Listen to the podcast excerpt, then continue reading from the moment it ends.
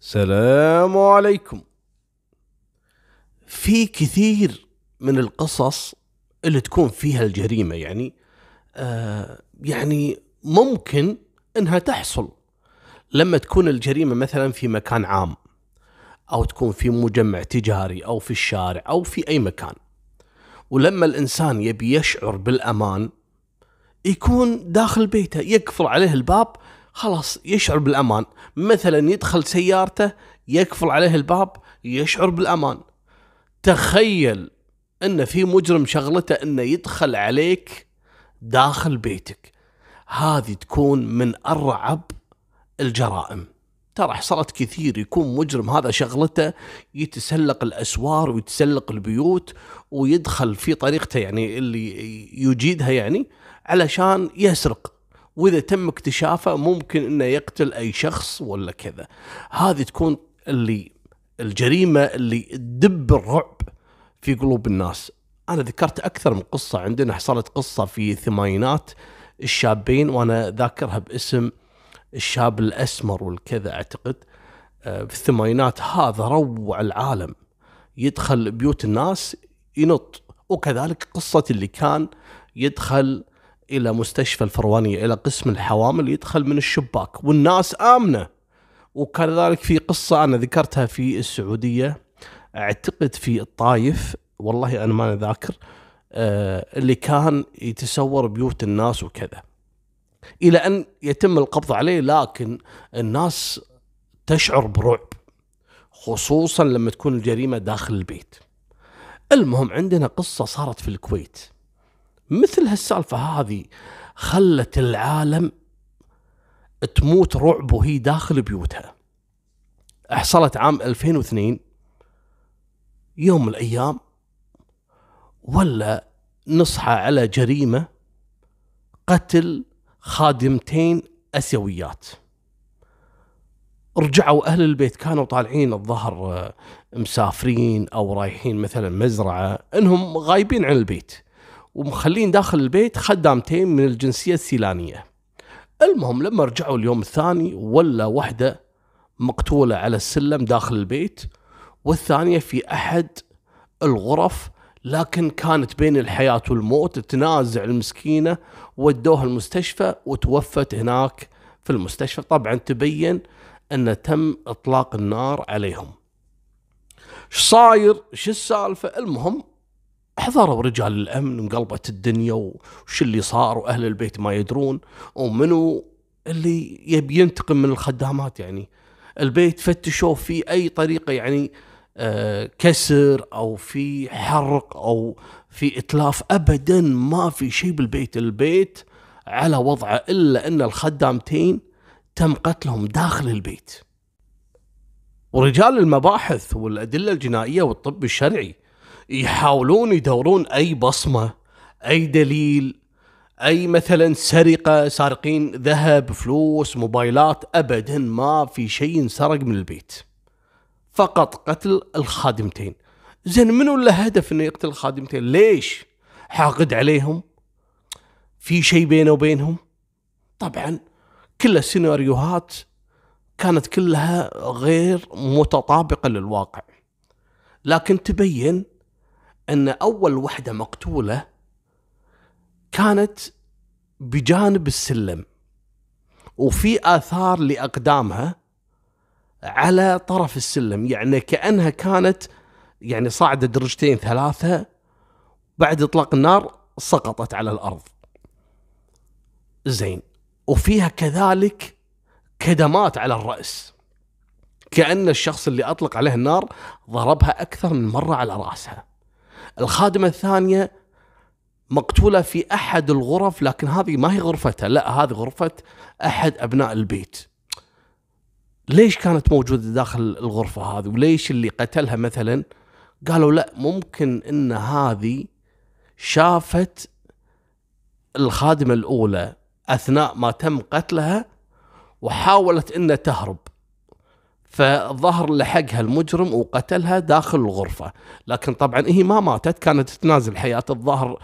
المجرم شافها على الأرض وكلها دم قال الظهر ماتت وتركها ومشى. مالكم طويل هي هم ودوها طبعا المستشفى. حاولوا ياخذون منها أي معلومات كانت حالتها سيئة جدا. اليوم الثاني توفت. هني اختفى أي دليل وضاعت الجهود كلها على الفاضي. ما عثروا على أي شخص. طبعا أنت تتكلم عن مجرم يدخل بيت ويقتل ويهرب وما تقدر تصيده؟ هذه هي كارثة الكوارث. هني طبعا دب الرعب في قلوب الناس في الكويت. منو هذا؟ وممكن يدخل علي في بيتي؟ ممكن يدخل في بيت أي شخص؟ وليش؟ ما حد عارف. تحريات المباحث قالوا يمكن في سواق لهم علاقة في الموضوع بما أن هذول مثلا آه، خادمتين أسيويات. خلينا نشوف أي أحد أسيوي مثلا حققوا مع كل السواق مع أقارب الخادمتين. أبدا ما عثروا على أي شخص له علاقة في الموضوع. طبعا إحنا نسميها خادمة أو آه، شغالة يعني في البيت. وشغلة الخدم يعني ما هي عيب بالعكس. و وكلمة خدمة ترى تطلق عليها في بلدان المغرب العربي. خدمة هي الوظيفة يعني. أنا كنخدم في وزارة الداخلية مثلا يقول مو معناته إنه خدام يعني لا يخدم. المهم أنا حبيت أوضح. مالكم بالطويلة رجال المباحث يأسوا. بعد عشرة أيام من هالحادثة خلاص القضية أصبحت كأنها ضد مجهول. طبعا الداخلية عفست الدنيا. أعجزت المباحث. أبيكم تدورون طلعوا لي إياهم والكويت صغيرة وين بيروح؟ بعد عشرة أيام ويجيهم بلاغ ثاني. في منطقة قرطبة منطقة اسمها القرطبة. جاهم بلاغ أهل البيت راجعين. هم هذول أهل البيت كانوا طالعين برا والخدم عندهم ثلاث أربع خدامات داخل البيت والبيت ما شاء الله مبين عائلة يعني ثرية. فلما جو ولا الخدامات كلهم مربطين وطايحين على الأرض. شو السالفة؟ قالوا والله ما أدري. اثنين ملثمين دخلوا علينا ومعاهم سلاح هددونا وربطونا وبدأوا يفتشون بالبيت. طبعا لما فتشوا بالبيت ما قدروا يسرقون إلا 160 دينار. يعني المبلغ ما يسوى إنك تسوي هالجريمة. لكن عقول هالبشر هالمجرمين بعض المجرمين طبعا لا قصدي بعض البشر ولا المجرمين كلهم مصاحين بعضهم يعني ما يشوف إلا الفلوس ما له شغل من اللي يموت من اللي يعيش في رعب من اللي ك... ما ما يهمه. الحين أربطوا العملية أو طريقة الجريمة في الجريمة اللي حصلت في صباح الناصر. صباح الناصر تتبع محافظة الفروانية عجزوا مباحث الفروانية عن الموضوع. وكذلك اللي صارت في قرطبة. وقرطبة تتبع آه، أعتقد يعني أنا ما أدري إذا تتبع حولي أعتقد حولي. هي مقاربة للعاصمة فأعتقد هي حولي عفوا. فكانت تتبع أعتقد محافظة حولي. المهم صارت في مجال ثاني. الحين رجال المباحث يبدون من جديد لكن هالمرة عندهم معلومات عندهم شهود. فقعدوا يسألون الخدم اللي كانوا مربطين هل هذا الشخص يعني آسيوي ولا عربي؟ قالوا لا هذا عربي وفي منهم كم شغالة يعني آه، من زمان في الكويت وتعرف اللهجات. قالت لا هذا لهجته آه، كويتي. متأكدة؟ قالت متأكدة هذا لهجته كويتي اللي دخلوا علينا الاثنين هذول. حلو. آه، شنو نوع السلاح؟ قاعد يورونها أنواع الأسلحة وكذا. يحاولون يعرفون أي شيء لأنهم ملثمين وما كانت في كاميرات. فأخذوا المعلومات اللي قدروا عليها مواصفاتهم الطول الشكل يعني لون العيون مثلا أي شيء شوي سمين ضعيف المهم خذوا المعلومات. هني كلف وزير الداخلية أيامها أعتقد كان محمد الخالد آه كلف آه ضابط مباحث اسمه عبد الرحمن الصهيل. عبد الرحمن الصهيل الله يعطيه الصحة والعافية الحين يعني أعتقد عميد. يعني إذا رأس على رأس عمله الحين أو متقاعد أنا ماني مثبت. آه لكن هالكلام من زمان إحنا نتكلم على 2002 هذا عبد الرحمن الصهيل تذكرون قصة اللي أنا ذكرتها سابقا عن وحش حولي. الضابط اللي في نهاية القصة اللي قعدوا يبحثون عن الوحش اللي اسمه حجاج. حجاج هذا اللي اغتصب أكثر من 13 طفل في الكويت. الأسطورة أسطورة المجرمين اللي عاشت الكويت رعب سبت قيامه باغتصاب الصغار في العمر وكان يهاجمهم تحت في البيوت ويخطفهم من منطقة حولي والسالمية والجابرية اللي قعدوا سنتين ثلاثة وهم يطاردونه ولا قدروا إنه يوصلوا له. بالنهاية اللي إذا تذكرون القصة قصة رقم 27 أعتقد لما قلت إن هذا الضابط في نهاية الأمر قام يشيك على أي شخص مشتبه فيه من قريب ولا من بعيد. فحصر المشتبهين بقى عنده واحد بس. هذا مبلغ أبوه أبو في واحد يعني كويتي مبلغ ان في مدرب بنادي صحي تحرش بولده. قال هو تحرش على الخفيف يعني وأبوه كان معاه في نفس النادي. أنا سبق أني ذكرت القصة. فيقول أنا كنت معاه نفس النادي أنا ما ارتحت له بيني وبينكم وأنا ضربته كف يعني وأنا حبيت أبلغكم في الموضوع. لكن هالموضوع ما يمر مرور الكرام عند ضابط مباحث ماسك قضية وحش حولي وماسك قضية اللي تم اغتصابهم. فقال طلعوا لي يا هذا. هذا وين اللي يتكلم عنه؟ قال هذا أبو الولد يقول له ترى ما اعتدى على ولدي ولا شيء. أنا حسيت. قال إحساسك هذا أنا الحين حسيت إنه هو اللي أنا أدور عليه. أرسل أحد العساكر عنده آه، رجل أمن قال له روح إلى النادي أبيك تجيب لي وأنا ما أدري قلبي مو مطمئن. بعد ما هالرجل هذا قال إنه ضرب هالمدرب اللي اعتدى على ولده أخاف إنه ممكن آه، يعتقد إنه راح يبلغ أخاف إنه هرب. فأنت يعني للإطمئنان عشان لا يروح شغل السنتين هذا على الفاضي أنت روح النادي وأنا أروح المطار. قال له ليش تروح المطار؟ خلونا نروح نش... قال لا لا لا أنا ماني مرتاح.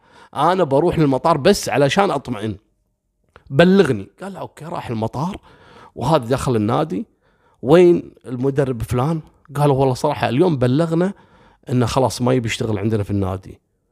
قاعد يتكلمون جد. زين وين صورته؟ قال ما عندنا صورة. زين هويته. هذا مو على إقامتنا. هذا يشتغل يعني part time شنو؟ قال لهم زين اعطوني أي شيء أبي. قالوا له شوف في صورة كانت على الحيطة يعني. صورة المدرب هذا مع أحد المتدربين مصورين مع بعض. أخذ الصورة وطار للمطار وبلغ العميد آه عبد الرحمن الصهيل إنه كان ضابط طبعا عبد الرحمن الصهيل الحين عميد أعتقد. بلغه انه ترى اللي أنت تبحث عنه آخر يوم له دوام وما يعرفون بياناته ولا شيء قال تتكلم جد؟ قال لا والله العظيم. قال أنا وصلت المطار بس شلون راح أعرفه؟ قال جبت لك صورة كانوا معلقينها على الحيط. قال ألحقني فيها المطار. المهم طبعا خذ بيانات بعض المعلومات من النادي إن هذا آه، مصري الجنسية واخواننا المصريين محشومين عنا لكن هذا يمثل نفسه. فلما قالوا له إنه مصري قام واتصل على أحد الضباط هناك. قال له شنو الطيارات اللي رايحة مصر الحين؟ قال في طيارتين واحدة رايحة أسيوط وواحده رايحة القاهرة. ترى الطيارتين تقريبا آه، نص ساعة تقريبا والثانية ساعة إلا ربع راح يطيرون. مستحيل يتلحق عليهم. في شيء يعني؟ قال لازم توقف الطيارة. قال له من صدقك أوقف الطيارة شلون أوقف الطيارة لا يبا في قوانين دولية. وين قاعد؟ إلا في حالة قصوى. إلا عندك دليل قوي إن في شيء بالطيارة. قال له أنا جاي الحين. قال كيفك؟ تجي أنت ومعاك يعني إذن تدخل طيارة كيفك إذا هذا عمل جنائي. لكن وقف طيارة ما نقدر. قال أنا مشتبه قال اشتباه انسى الموضوع. قال زين معي صورة أنا بشوف اللي داخل الطيارة. المهم لما دخل أول طيارة رايحة للسيوط يوم دخلوا معاه اللوحة هذه الصورة ولا هذا وحش حولي قاعد. أول ما مسكه قال له شو اسمك؟ قال أنا حجاج.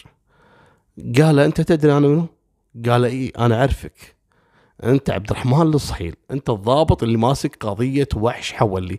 لأن وحش حولي أصلا كان يتابع الجريدة وكان يشوف صور عبد الرحمن صحيل كل يوم طالع بالجرايد وصاير ضبطيات ومسكين صار له سنتين. فوحش حولي أول ما شافه قال اي نعم أنا عرفتك أنت الضابط اللي ماسك قضية وحش حولي. قال ها أنت فاهم يعني هني تاكد إنه هو وحش حولي. وطبعا اعترف في معلومات أصلا أهالي بعض الضحايا يعني هذا المتهم اعترف عن ضحايا أهاليهم ما تقدموا بشكوى. راحوا جابوهم قالوا إي نعم تم اعتداء على ولدنا لكن إحنا كنا نبي الستر يعني.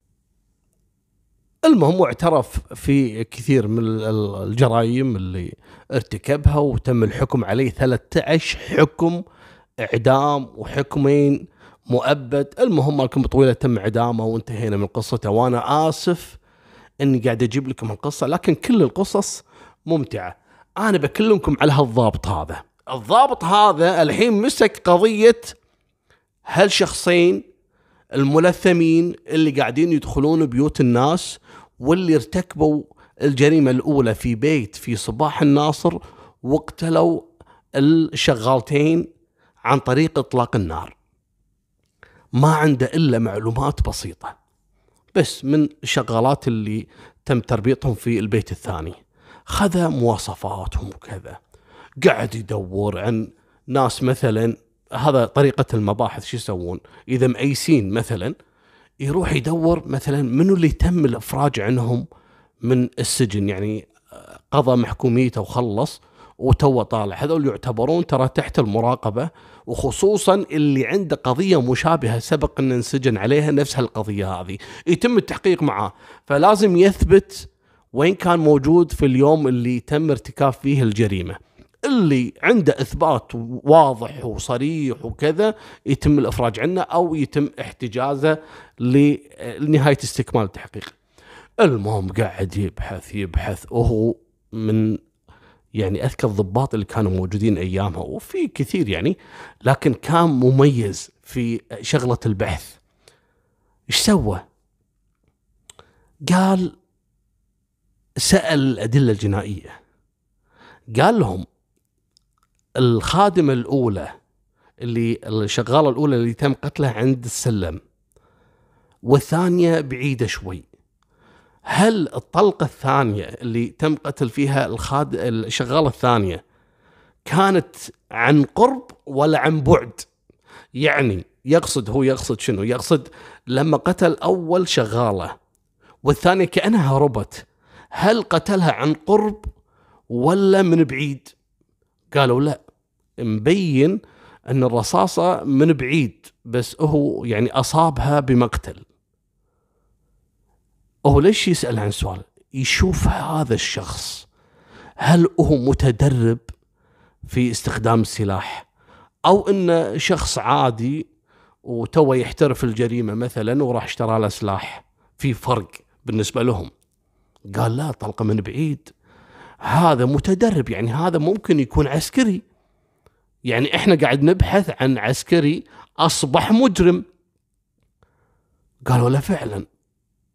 ملاحظتك دقيقة فعلا هذا اللي أصاب هذا متدرب على السلاح يعني.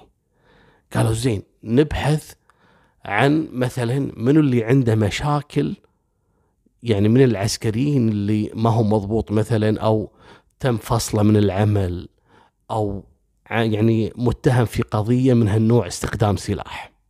قاعد يبحث يعني كل ماله ويحصر القضية. إلى أن طاح على واحد. سبق أن تم إبلاغه عنه يعني في استخدام سلاح وحيازة السلاح ومن هالمشاكل وهذا شخص يعني متمرد. وكان سبق أن تم اتهامه في آه، تعاطي للمخدرات المهم راح بيتهم. الحين هو عنده الشهود موجودين بس يبي منو المتهم يعني مثلا عشان يوريه حق اللي الشهود. راح يدور عليه. راح بيتهم قالوا له يبا والله ما ندري عنه يعني صار له فترة. شنو فترة يعني؟ وين راح؟ هو ساكن عندكم؟ قالوا إي نعم ساكن عندنا بس. صار له تقريبا أربع خمسة أيام. من آخر حادثة حصلت ما بين. قال حلو ممتاز. الحين قاعد يعطونا أمل إنه ممكن يكون هذا اللي هو يدور عليه. وينه كذا؟ طلعوا رقم تليفونه قاموا يستعلمون عن الاتصالات اللي قاموا يسويها.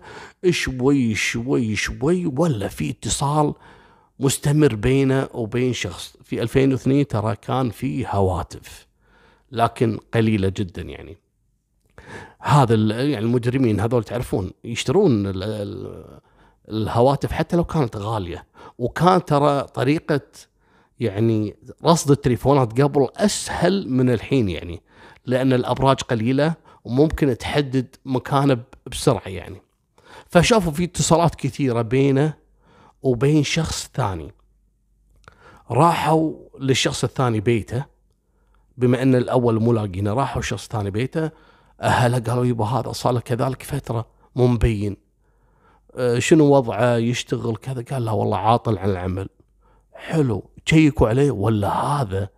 هم عنده قضايا أول. تعاطي ما تعاطي. قال حلو أنا قاعد أدور بالاتجاه الصحيح. ويدور ويستعل ومطلع أرقام سياراتهم وعمم عليها. قال طلعونهم من تحت الأرض. ما يطلع. عمم على الحدود البرية ولا ترصدهم أحد دوريات.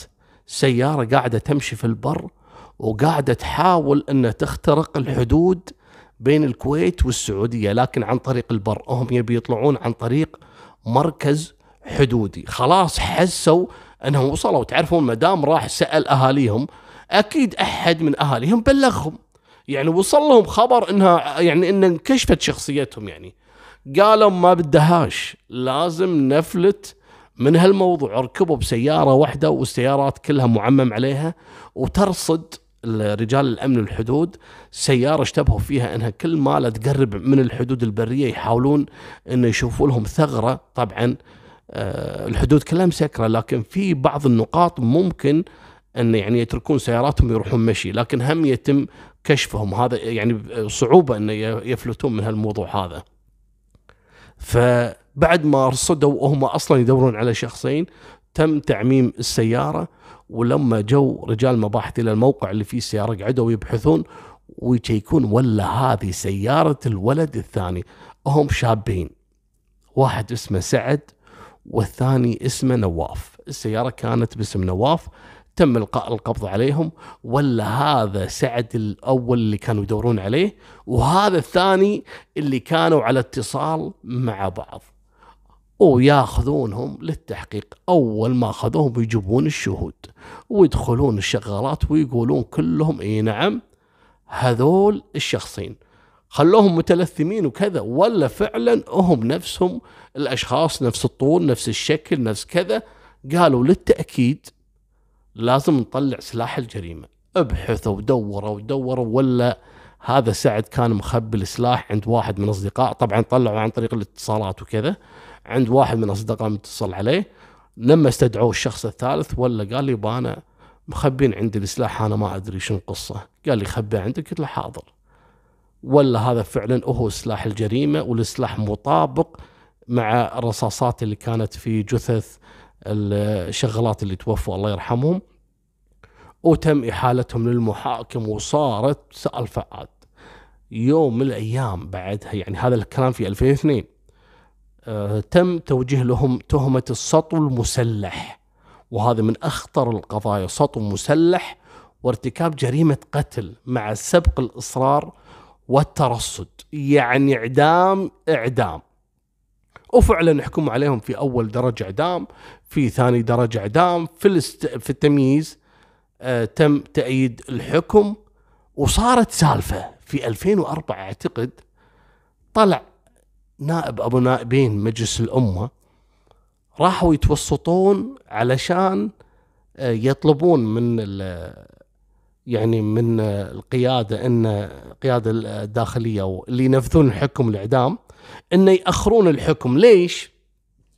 لأن أهل سعد قدروا يأخذون تنازل من أهالي الضحيتين. راحوا لهم سيلان وصارت اتفاقية ودفعوا الديه علشان يعطونهم حكم تنازل وفعلا آه، جابوا اهلهم هني في الكويت وتنازلوا عن حق آه، بناتهم اللي توفوا اللي هم الشغالتين. وخذوا الحكم وودوه للداخلية لكن طبعا مو كل القضايا يتم فيها قبول العفو لأن في قضايا يعني آه، اللي هي قضايا مثل السطو المسلح وترويع الآمنين والغيلة وكذا هذه ما يقبل فيها آه، العفو من طرف أهالي الضحايا لأن يبقى فيها الحق العام. هذا سطو مسلح وقتل عمد. مالكم بالطويلة تم رفض حتى في جريدة كتبت عن الموضوع وردوا النواب إحنا ما لنا شغل وإحنا مو قصدنا إن نطالب في تبرئة القاتل لكن إحنا يعني نطالب بإن تعطونا فرصة إن يعني يقدم العفو اللي حصل عليه وكذا. لكن طبعا ما ردوا عليهم وتم تنفيذ حكم الإعدام بالشابين الكويتيين سعد اللي كان عمره 25 سنة أيامها وصديقه نواف اللي كان عمره 30 سنة. واحد فيهم اللي هو سعد كان عسكري في الدفاع وهو مدرب على إطلاق النار وهو اللي أطلق النار على الخادمتين الشغالتين أما نواف اللي هو العاطل عن العمل واللي ساعده في كل تفاصيل الجريمة. وهذه نهاية سالفتنا. الله يحفظكم من الناس ويجعلكم آمنين في بيوتكم. وسبحان الله في حديث الرسول صلى الله عليه وسلم من بات بين أهله وعنده قوت يومه آمنا في سربه أو كما قال الرسول صلى الله عليه وسلم آمنا في سربه وعنده قوت يومه كأنما حاز الدنيا بحذافيرها. يعني أكبر نعمة تعيش فيها أنت الإنسان لما تلقى الأكل وتعيش داخل بيتك آمن وتعبد ربك وأنت مرتاح. الدنيا ما هي جمع الفلوس الدنيا هي الأمان بالدرجة الأولى. الله يحفظكم وفمان الله. مع السلامة.